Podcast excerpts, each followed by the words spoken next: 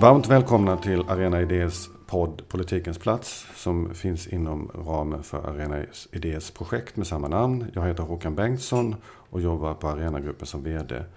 Jag vill hälsa våra två gäster varmt välkomna. Det är Sverker Selin och Olof Pettersson. För många av er som lyssnar så behöver de inte någon vidare eh, introduktion egentligen men som ni kanske vet så är Sverker från början idéhistoriker från Umeå. Eh, han är också författare om och med en rad böcker. Kritiker i Dagens Nyheter, har vunnit Augustpriset. Är numera verksam eh, på KTH här i Stockholm. Eh, Olof Pettersson, statsvetare, utbildad, verksam i Göteborg i många år. Har funnits i Uppsala universitet. Men också verksam på SNS under många år i Demokratirådet. Kanske framförallt eh, ska vi nämna i det här sammanhanget, apropå det vi ska diskutera idag, att du ledde den stora maktutredningen i slutet av 80-talet som kom med sin betänkande 1990 tror jag. Och eh, både, både Sverker och Olof har en imponerande litteraturlista. Vi ska inte ägna tiden åt att läsa upp den, men ni har skrivit böcker eh, som inte bara har nått den akademiska publiken utan nått en större publik, vilket är viktigt för oss att poängtera naturligtvis. Nu är det så här att det här projektet, eh, Politikens plats, som Arena Idé har tagit initiativ till, har en projektledare och han står till vänster om mig här, det är Sverker Selin. Ska vi börja med att säga något om det här projektet, Sverker? Det kan vi göra. Eh, politikens plats, det kan ju låta konstigt, har inte politiken alltid sin plats? Eh, någon plats tar den väl, men eh, den har, utgångspunkt för det här projektet var att under en ganska lång tid så har vi sett hur politiken har trängts tillbaka egentligen. Minskat sitt omfång och sin räckvidd eh, sen 80 och 90-talen och framåt. Och eh, för några år sedan så tyckte vi att det var eh, kanske dags att diskutera denna fråga.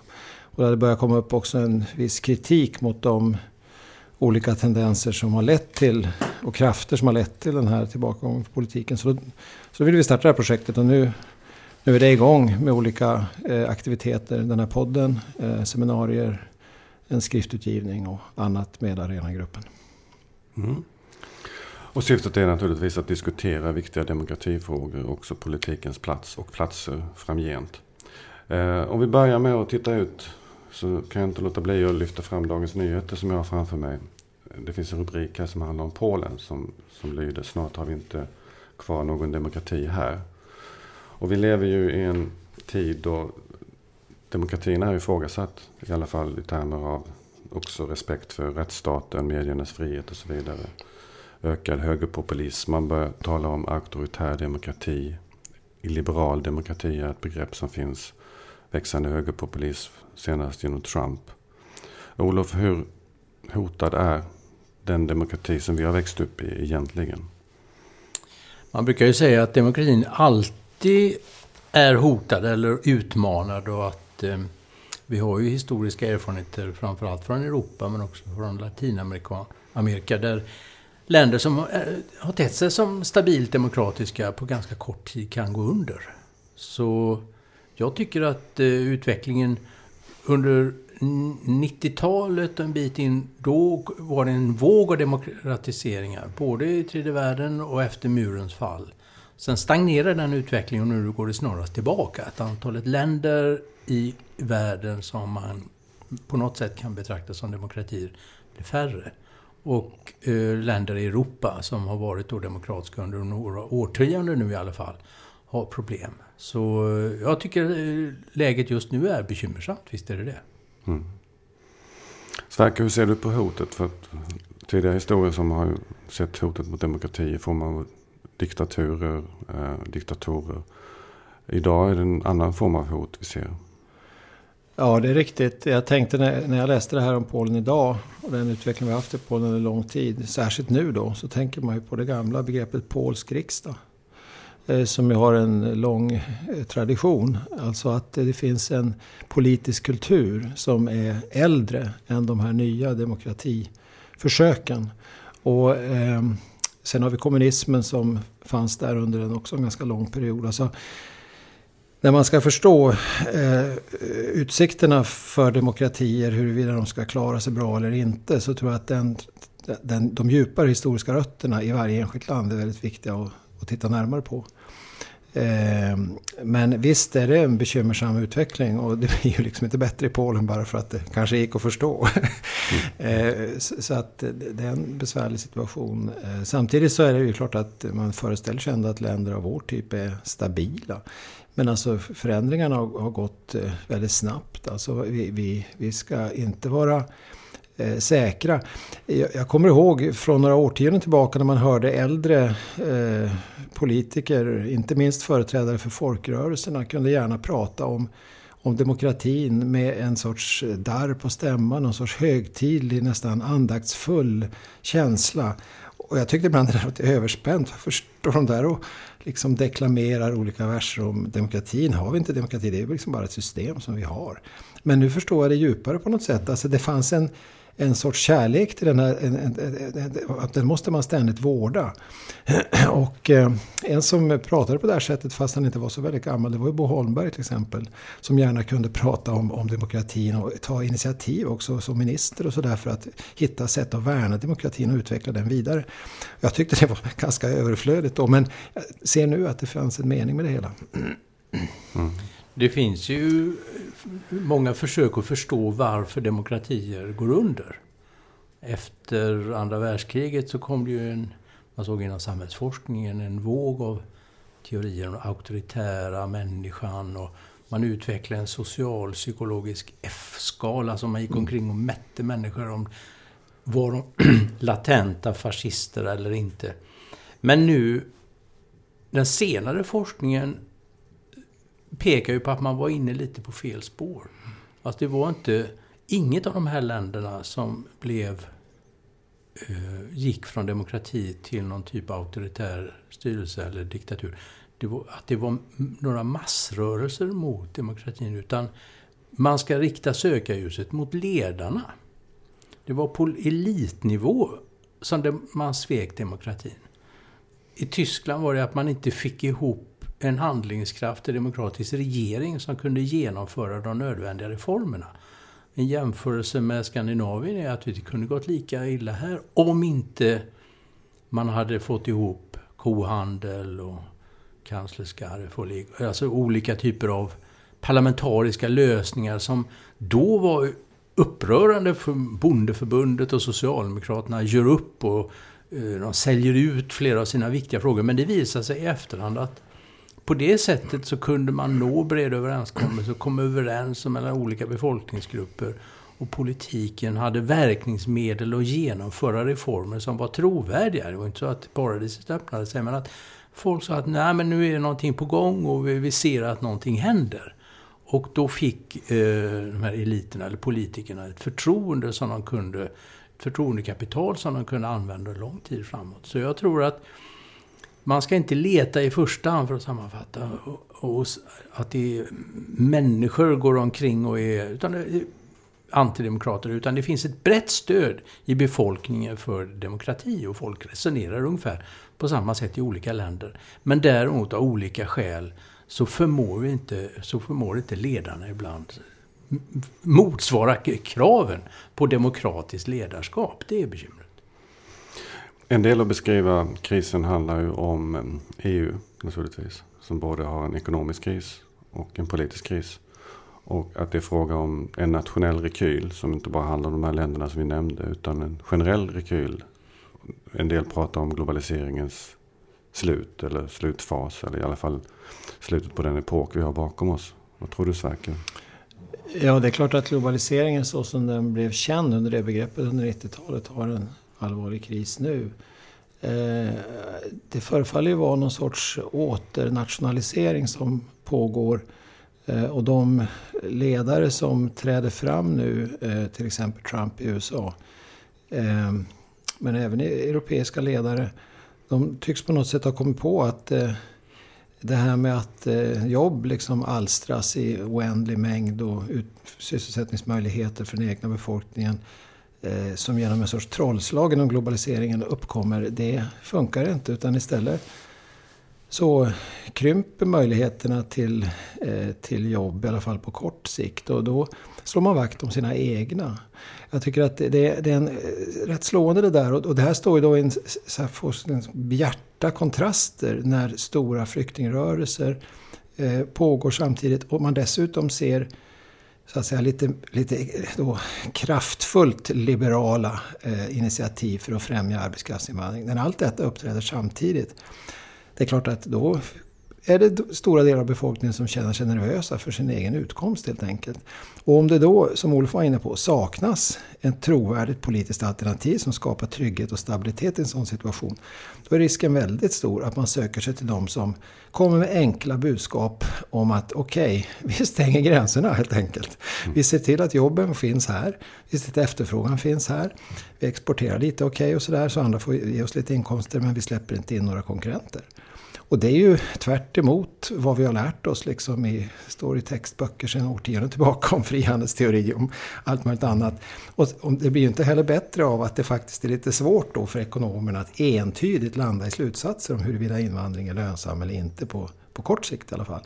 Så att i den här osäkerheten så, så tyr man sig gärna till detta. Det här drabbar EU hårdast kanske. Eftersom hela konceptet byggde på att man skulle sänka trösklar, ta bort murar för att öka eh, flexibiliteten på spelplanen. I gengäld skulle man få tillbaka då ett ökat välstånd och ökad frihet och allt det där andra. Men nu ser man varken välståndet eller friheten och, utan man ser bara konkurrens och problem. Det är klart att det är en svår situation för EU. Mm.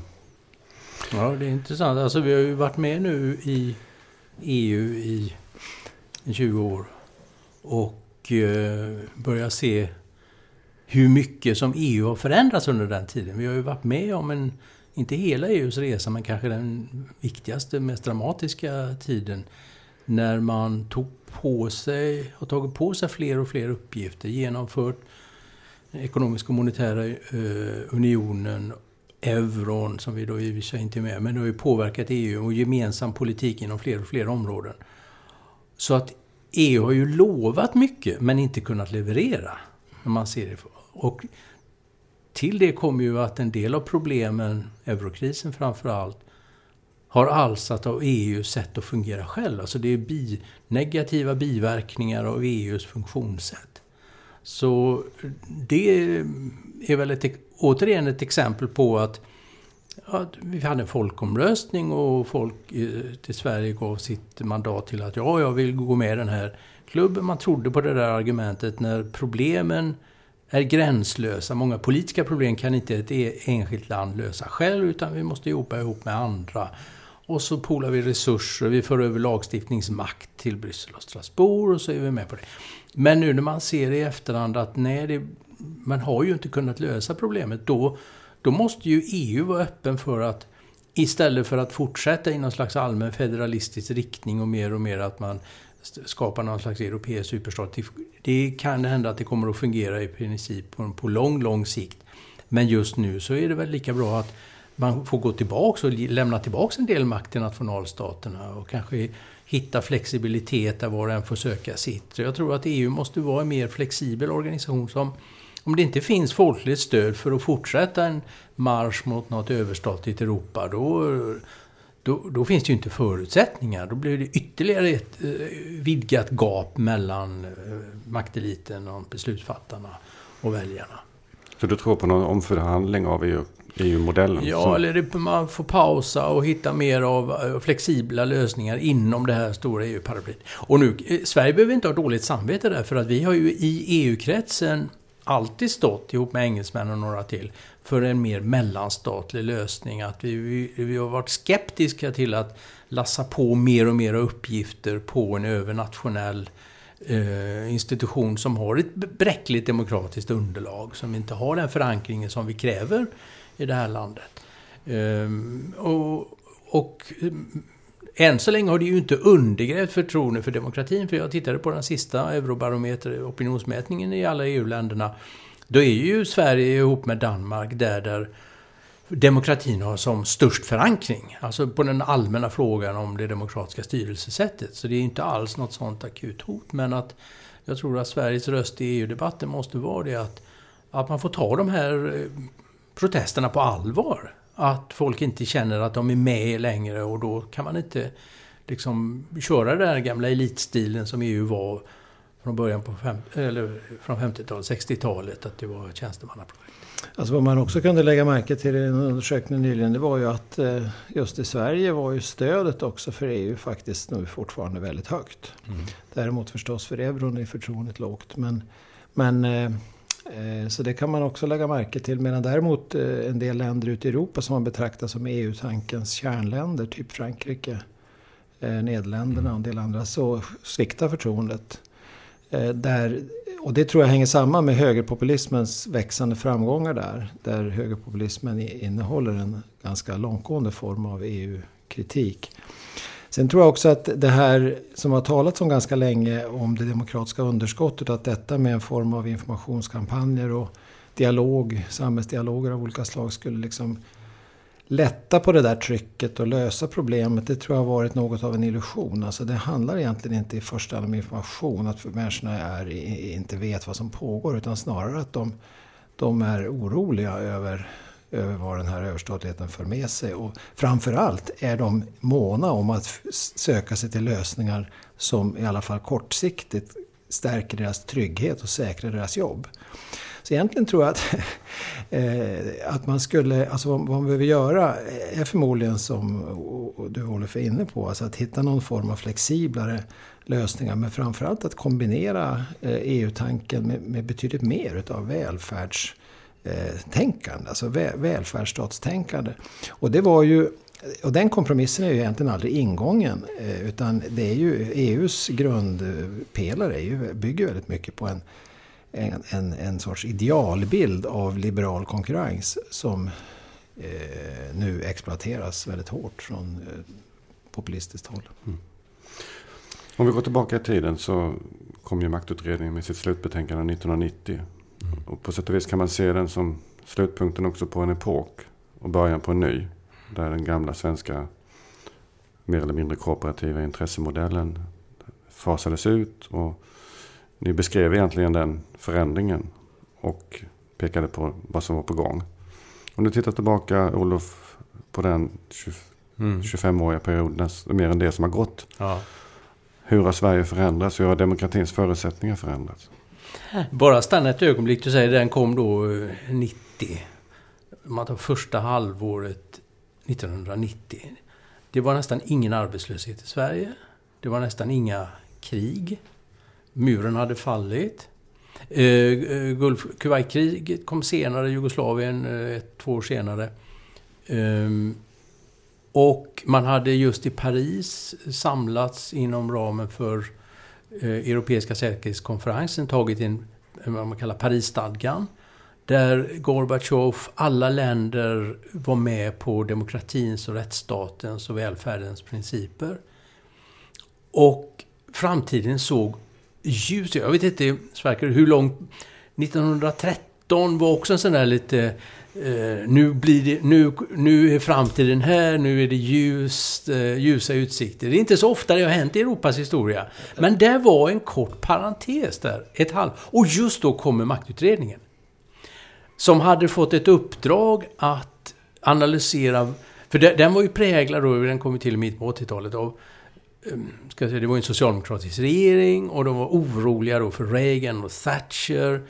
Folkrörelserna tappar medlemmar. Bilden var att det är sån här cocooning, folk sluter sig, individualiserar, de sluter sig själva, blir passiva.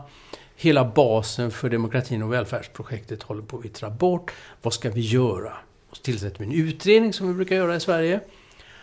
Och vi gjorde ju stora undersökningar med intervjuer och försökte få tidsserier och se vad som hade hänt. Men den här bilden av den passiviserade nutidsmoderna eh, medborgaren, det stämde ju inte. Folk hade ju antagligen aldrig varit så aktiva, kunniga, kritiska. Eh, så det var ju inte på medborgarna, återigen, det var inte medborgarna som man kunde skylla på. Utan det var jag märkte det när jag gjorde registret i maktutredningen. Det som återkom gång på gång. Institutionell tröghet.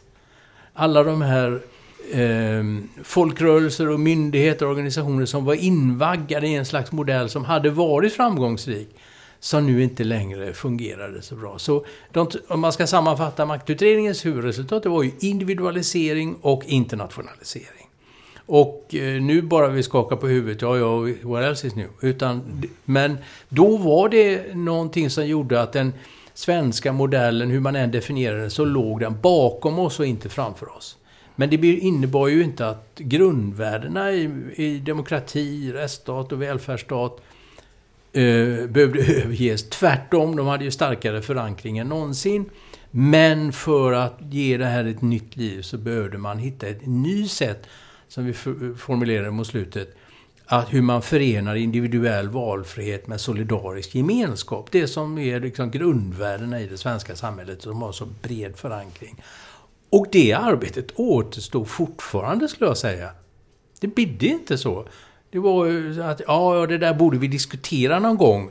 Och sen så läste man igenom maktutredningen för att hitta någon sån här liten detalj som stödde den egna, eller man kunde använda som angrip, för att angripa motståndaren. Så den här diskussionen som vi lite hade hoppats på, nu har vi tagit ett steg tillbaks, skisserat den stora samhällsutvecklingen och det är inte någon akut kris, men vi behöver vara mer innovativa, tänka om. Hur ska man återuppfinna folkrörelseidealet i dagens samhälle och så vidare.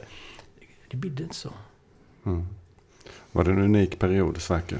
Ja, jag tror att den var rätt unik faktiskt. Det var ju också en... 1913 var ju en illusion. Och på många sätt var ju också 1990, om vi får använda det året, också en sorts illusion. Det kom ju strax också en ekonomisk kris i Sverige. Det gick ju bara ett halvår så Precis. var den här. Och eh, ty följande regeringskris och sen fick vi kronkris och kriserna kom på parad. Och hela 90-talet i Sverige präglades ju av, eller första halvan i alla fall, av kris. Nej men, så att det ligger mycket i det. Men det var väl också ett genombrott i början där. Det var en annan sak du jobbade med, kriskommissionen. Som som, eh, så att det fanns en del tendenser i rörelse för att fylla upp det vakuum. Man kan ju beskriva det du talar om här som också som, som ett vakuum som uppstår. Det hade funnits en berättelse, ett format för samhällsutvecklingen men som inte riktigt fungerade längre. Eh, och eh, även om ni pekade på vad man kanske borde göra, eller åtminstone implicerade vad man borde göra, så, så gjorde kanske ingen det jobbet fullt ut. Men istället trängde det in en, en samhällsomvandlande kraft som har betytt rätt mycket för det här projektet som vi driver här. Nämligen olika sätt att eh, delvis i alla fall ersätta politiken med olika typer av marknadslösningar.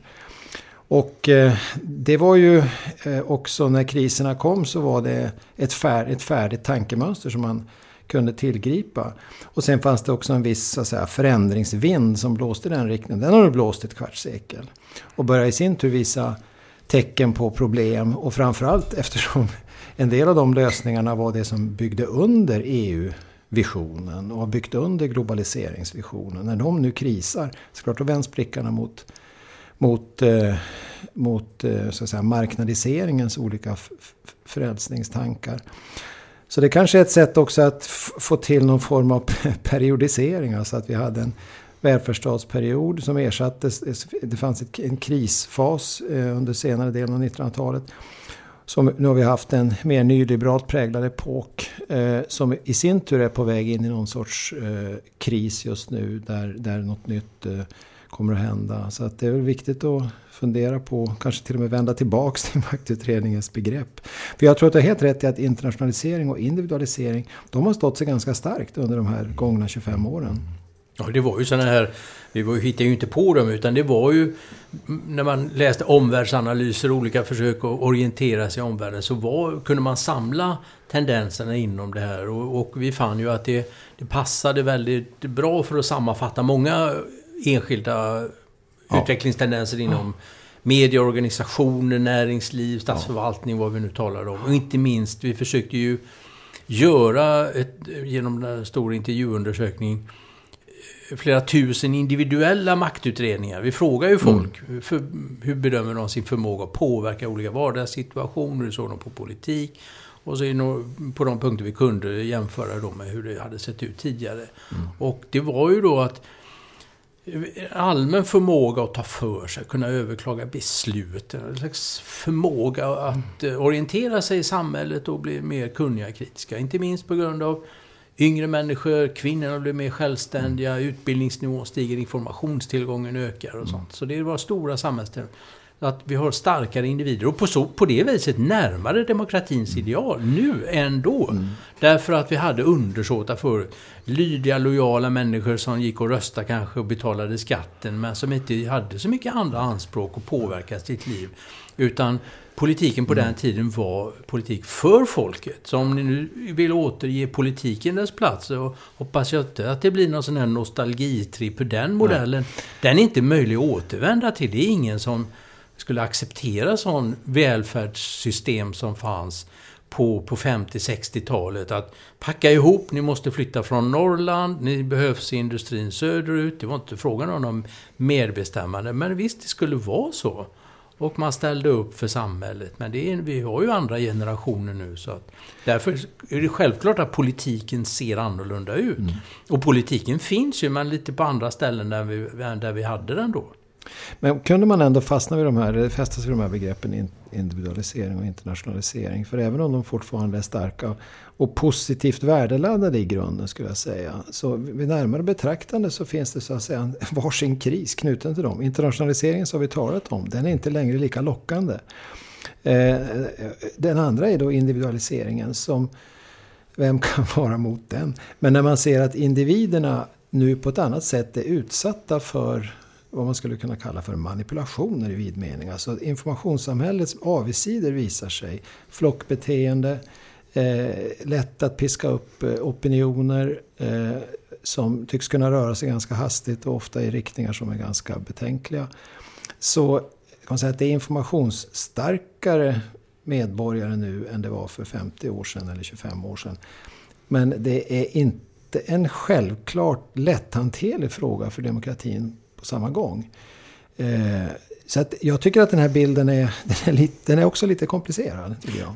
Jo, jag håller med. Precis. Men ehm, eh, att navigera i, ett, i kommunikationslandskapet idag är oerhört mycket mer komplicerat än bara för 30 år sedan, 40 år sedan om vi går längre tillbaks. Men å andra sidan har människors förmåga att sila, sovra, eh, att hitta information också utvecklats minst lika snabbt skulle jag säga. Det går inte att mäta precis. För om vi talar om filterbubblor och så, då skulle jag peka på historiska exempel när vi hade gamla slutna politiska miljöer. Det röda bruket eller jordbrukssamhället. Man hade partipress. Man umgicks bara med, med folk som stödde ens egna uppfattningar. Folk förr i tiden, de levde i såna här i, i, i, i eh, små tankegarderober och filterbubblor och eh, hade, de bytte sällan parti, det var ju 5% i mitten på 50-talet. Utan man var fast i sina lojaliteter. Man röstade, det var tradition, man röstade som man alltid hade gjort. Och det var ju...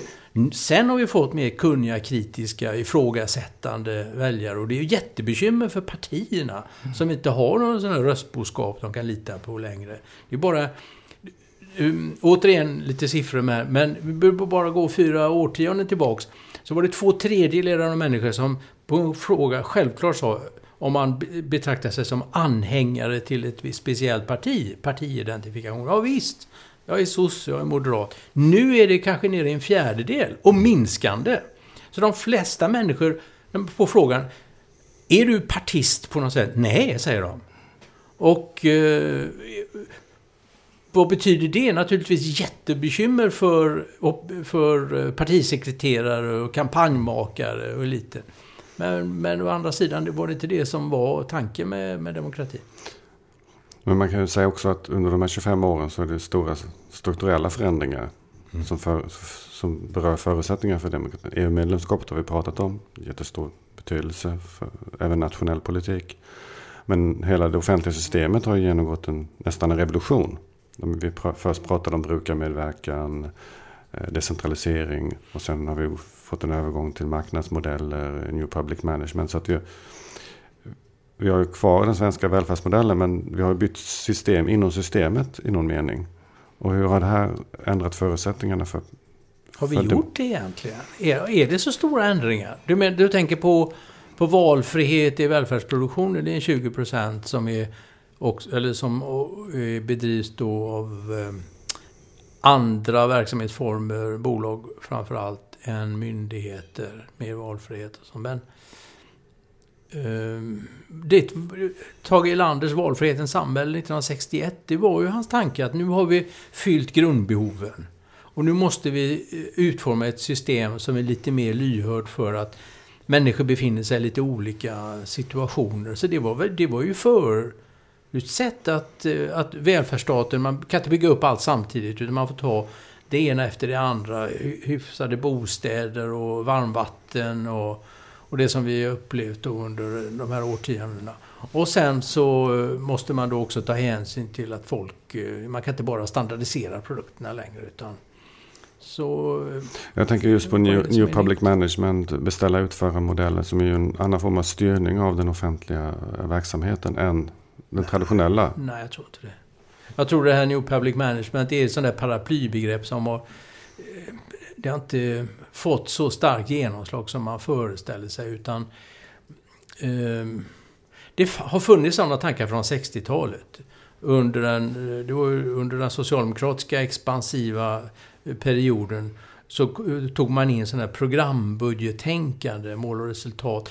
Men det var en del av de här mer socialingenjörerna inom arbetarrörelsen och, och, och partiet och myndigheterna som hade optimistisk syn på att nu kommer nya starkare datorer och man ska kunna köra optimeringsprogram och hitta liksom tekniskt effektiva lösningar.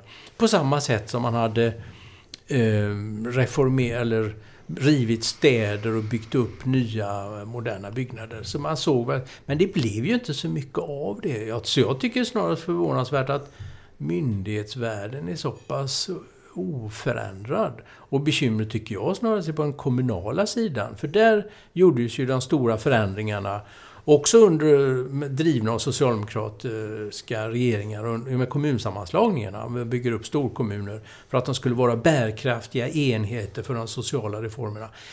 Och det visade sig snart, ålderdomshem skulle man ha, men det skulle man ju inte ha sen av andra skäl.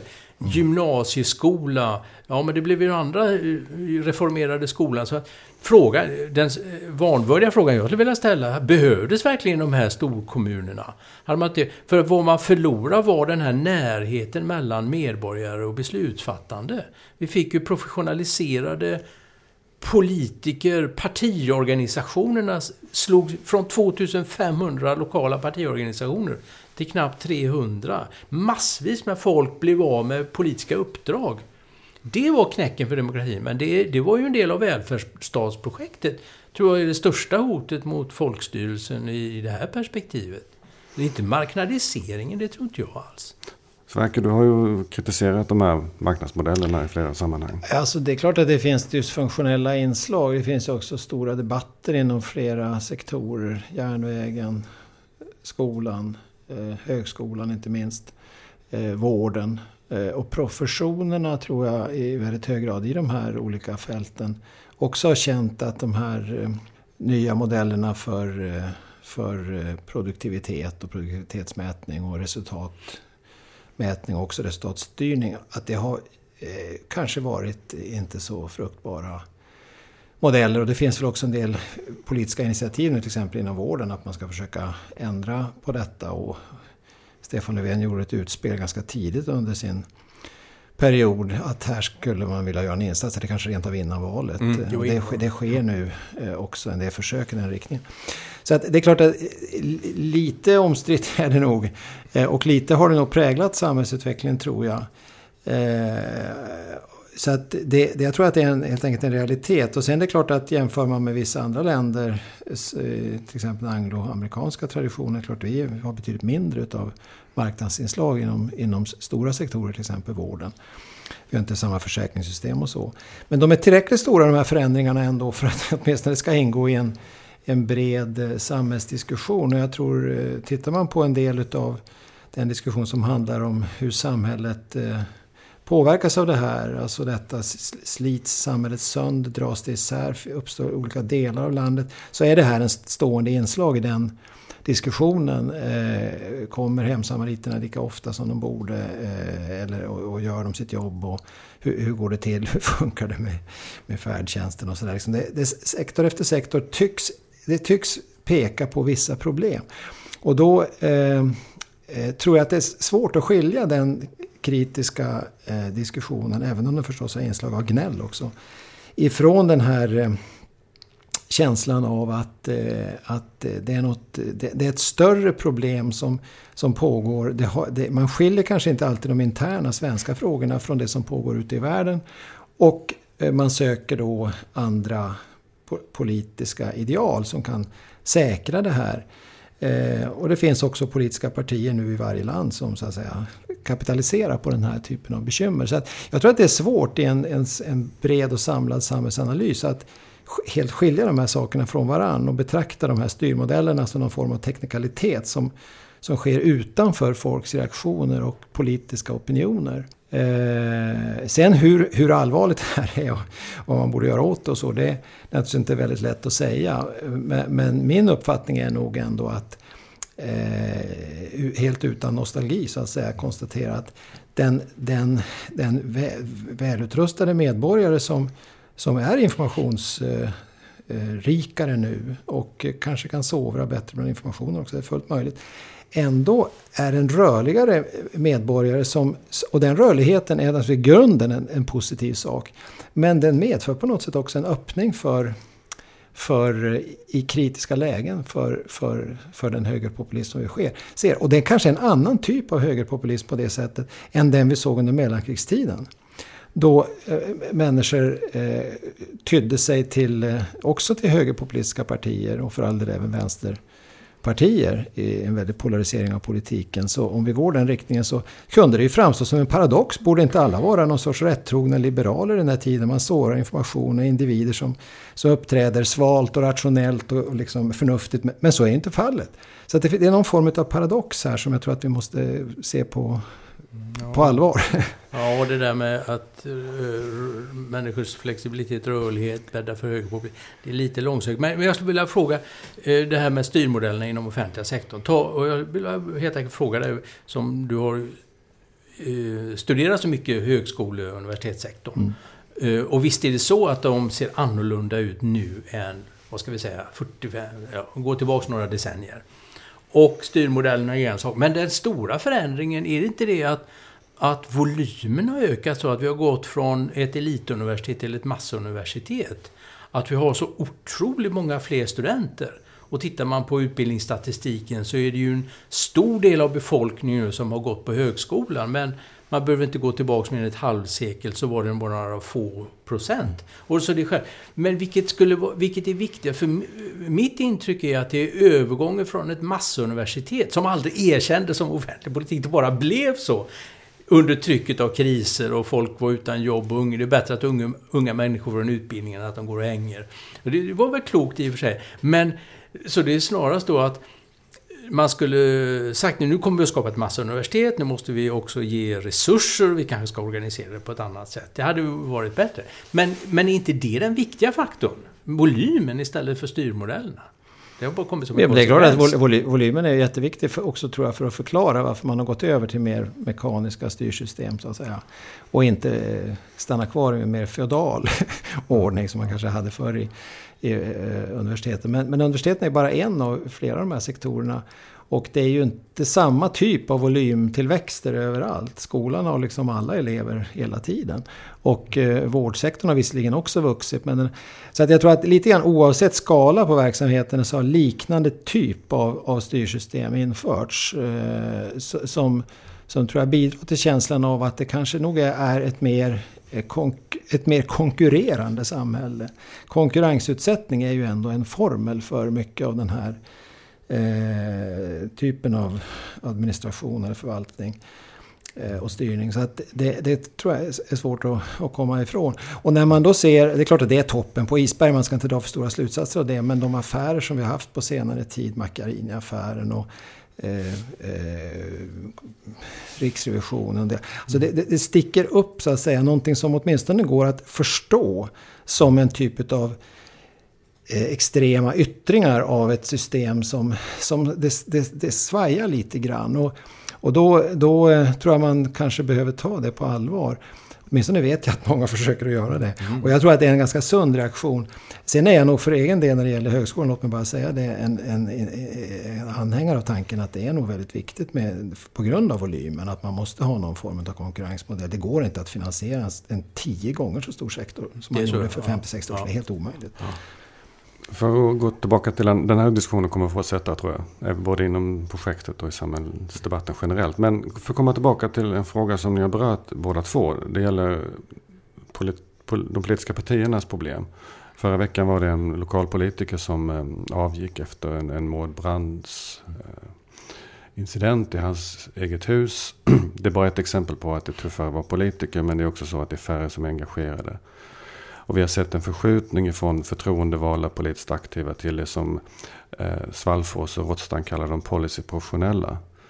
Kan demokratin överleva utan politiker, är frågan. Jag tror att det pekar på ett väldigt eh, stort bekymmer i, i den svenska demokratin idag som har med, de, eh, med partierna och de förtroendevalda. Det här med policyprofessionella kan vi lämna därhän. Det är en annan diskussion och jag, jag tror inte att det begreppet hjälper oss särskilt mycket att förstå vad som händer.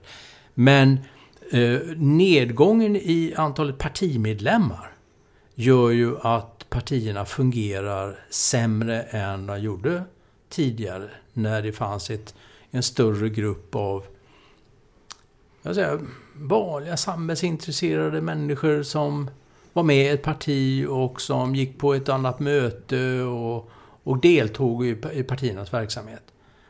Nu är det ju så få kvar att de som är med i partiet, det är de som själva har uppdrag. Någon suppleanter i landstingsfullmäktige, någon som har varit, några pensionärer, några som hittat till partiorganisationen. Eh, men det gör ju att partierna inte fungerar som den här mellanledet mellan väljarna och beslutsfattarna. Partierna har blivit en del av makteliten. Och sen vad det beror på, kommunsammanläggningarna var förödande. Statssubventionen, skattesubventioneringen av partierna har ju gjort att de är välmående organisationer men hade inte, behöver ju inte medlemmar om man ska uttrycka det drastiskt. Och eh, det bekymret är att man får den här gapet mellan vi och dem. Politikerna, det ska ju vara medborgare som ställer upp ett eller något år eller ett par och har ett uppdrag. Och jag vi hade eh, en, en liten grupp statsvetare och lite praktiska politiker. Demokratins nya arbetsformer kallar vi det. Och då bara vi som en försöksballong sa det här, vi kanske skulle ha ett system som gjorde att varje människa någon gång under sitt vuxna liv har ett förtroendeuppdrag.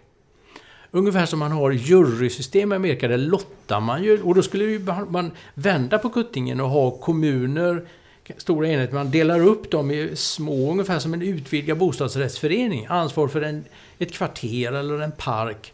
Och då kanske det vara 10-20 som man lottar ut. Och då får man veta det något år i förväg så man har tid att förbereda sig. Men man ska få ansvar för en budget. Hur man möter människors krav och anspråk. Och eh, hur det är att, att, att vara med och sköta ett samhälle. Människor är ju duktiga, som sagt. De, de är med i andra föreningar och de har eh, privatekonomi och, och sånt. Så det är klart att människor skulle klara det. Och vi har aldrig blivit så utskällda, tror jag. Det var det dummaste förslaget jag någonsin hört. Politikerplikt. Och jag sa, men det är ju demokratins grundtanke. Om, om människor inte är beredda på att själva ta ansvar för det gemensamma då är det bekymmersamt. Vi kan inte delegera allting till yrkespolitiker. Det är inte en verksamhet som alla andra. Det här är ju det som vi del, det, vi bygger det gemensamt. Vi har en medborgare, en röst. Det är demokratins grundtanke. Att man får ställa upp och göra en insats för det gemensamma. Så den frågan tror jag fortfarande är så verklighetsfrämmande fastän det egentligen borde vara självklarhet tycker, tycker jag personligen att medborgardeltagande är demokratins kärna. Och kommuner som eh, eh Tocqueville sa på, efter att ha besökt Amerika på, på 1800-talet. Det är som eh, elementarskola, folkskola för demokratin. Man lär sig där att ha gemensamt ansvar att umgås med andra människor. Så, så tycker jag. Att man skulle lösa partiernas kris genom att man får till stånd en ordentlig verkningsfull, inte någon bara skenverksamhet, utan att man ger makt till människor så man får se hur det är att, att sköta det. Med. Vår första rapport, eh, den populistiska signalen, diskuterar medborgarpaneler som, som en möjlighet. Men då ska de verkligen, medborgarpaneler kan vara bra, men då måste, det får inte vara sån här torrsim. Utan det måste vara på riktigt, att man det är riktiga pengar och att det är en riktig park och så. Vi har ju haft inom samhällsforskningen många sådana här eh, deliberative polls och medborgarpaneler som har varit övningar. Att, eh, men det blir aldrig rätt riktigt. Det, går inte, det är som experiment att det blir aldrig verklighet. Nej men jag tror att det, det här är en, eh, man kan säga besvärande utveckling. Därför att det medborgarengagemanget riskerar att försvagas. Men också för att det öppnar för att olika typer av eliter får kortare väg till makten. Och kan konstruera sina plattformar på ett sätt som, som kanske inte får det riktigt den, det motstånd i, i debatten och diskussionen som de skulle behöva. Jag, jag tycker det är rätt slående faktiskt. Vi var inne på det för en stund sedan. Att det är eliter som formar eh, också de extrema eh, politiska åskådningarna. Och eh, som också är mycket raffinerade i sitt sätt att tänka ut sätt att stanna kvar vid makten. Det mest utstuderade exemplet är väl Ungern. Där man ju bygger liksom en hel eh, plattform för att stanna kvar vid makten. Och manipulerar nationella symboler och eh, inför regler som förhindrar för politisk debatt att komma upp. Och jag tror att på det sättet är ju ett brett medborgerligt engagemang också någon typ av resistens skulle man kunna säga. Åtminstone vill jag gärna se det så. Mot, eh, mot eliters eh, ockupation av makten. Men annars, eh, jag kan förstå den kritiska reaktionen mot det här förslaget. Eh, eh förstås. Eh, där, och jag tror möjligt att vår egen tradition, alltså det finns en rätt hög grad av centralism i, i, i de lutherska ländernas politiska kultur. Så även om vi har haft folkrörelser och sådär, så har ju till skillnad från det USA som Tocqueville mötte, så har ju de här lutherska staterna liksom någonting där, där man, man litar på staten, det finns en stark relation till det, till det centrala. Så att det det, tycker jag nog att eh, det, det finns med i bakgrunden här. Det är rätt, men det är inte he hela bilden. Jag, jag, har ju skrivit en läroböcker och en läste jag korrektur så hade jag skrivit det. Sverige är ett starkt centraliserat land. Jag håller med. Men så på någon sida längre fram så har jag skrivit Sverige är ett starkt decentraliserat land. Och då tänkte jag, nej, här motsäger jag mig själv. Vilken ska jag stryka? Då kommer båda är ju rätt. Sverige ser ju ut som ett timglas. Vi har ju en unik kombination av stark centralmakt. Men vi har också en historiskt, europeiskt sett, ganska unik, obruten linje av lokal självstyrelse. Eva mm. Österberg och andra historiker har konstaterat att även när kungamakten stod på sitt, sin topp och det var, mm. var så nära absolut mm. kungamakt. Så fortsatte man med lokal rättskipning och man bestämde själva på lokal Bönder nivå. gör politik. Ja, och precis. Och vi, mm. och vi har inte haft några feodala länsherrar som mm. har ut, haft egendomsmakt. Vi har inte haft starka regioner. Vi har inte haft starka städer. Så den här... Och det, det tycker jag man ser också i dagens samhälle. Mm. Att det finns en, en ändå ett... Äh, människor engagerar sig på olika sätt. Men inte inte i politik där Nej. ni letar. Nej. Ni har en plats för politik i en lite gammaldags statsvetenskaplig mening. Att det är det som staten och den offentliga sektorn gör. Men det finns också andra statsvetare som har vidare perspektiv. Politik som har med värdefördelningen att göra, som rör många människor. Det, det pågår ju politik där man inte ser det. Mm. Poli, eh, en kollega har skrivit om politiken i snabbköpet. Man, gör, mm. man väljer mm. varor på etisk och mm. miljömässig grund och påverkar produktion och mm. hur andra människor lever och arbetsförhållanden i andra länder om man mm. köper rättvisemärkt. Det är ju bara ett sätt. Så att man måste... Det skulle vara mitt tips till er när ni letar efter politikens plats så får ni inte bli de här. Stadskramarna från 60-talet. Det måste vara lite mer... Nej, men vi har väl ett sånt eh, delstudie ja, det var på gång. Ja, och det ligger ju i hela projektet. Mm. Framförallt lyfta upp kommunernas roll naturligtvis. Politikens platser. Mm. Ja. Man, måste, man måste leta på olika ställen. Mm. Och, och, för politik finns ju alltid i alla samhällen. Men, men det som tror jag, nästa steg det är ju det här med demokratins platser. Mm. Därför att det finns ju politiska platser som inte är särskilt demokratiska. När man ser mm. reell möjlighet för insyn och medborgardelaktighet. Och sånt. Men, men alltså, jag tänker på när, när han kom, Tocqueville kommer till Vermont och får se liksom mer eller mindre direktdemokrati. Så det är klart att de här typen av platser, de är också, har en strängt taget inte mycket förtroende för någon, någon överordnad makt. Det ska, interventioner från, från utsidan är ingenting som man förväntar sig. Och jag, mm. jag tror att det är en, en, någonting som sitter väldigt djupt i den svenska politiska kulturen. Nämligen att det finns starka band till en centralmakt som så att säga kan bidra till att lösa problem. Och när det nu inte löser problem lika mycket som det har gjort tidigare. Delvis därför att det liksom är en medveten handling. Att den ska inte lösa lika mycket problem åt medborgarna längre utan de ska lösa dem själva.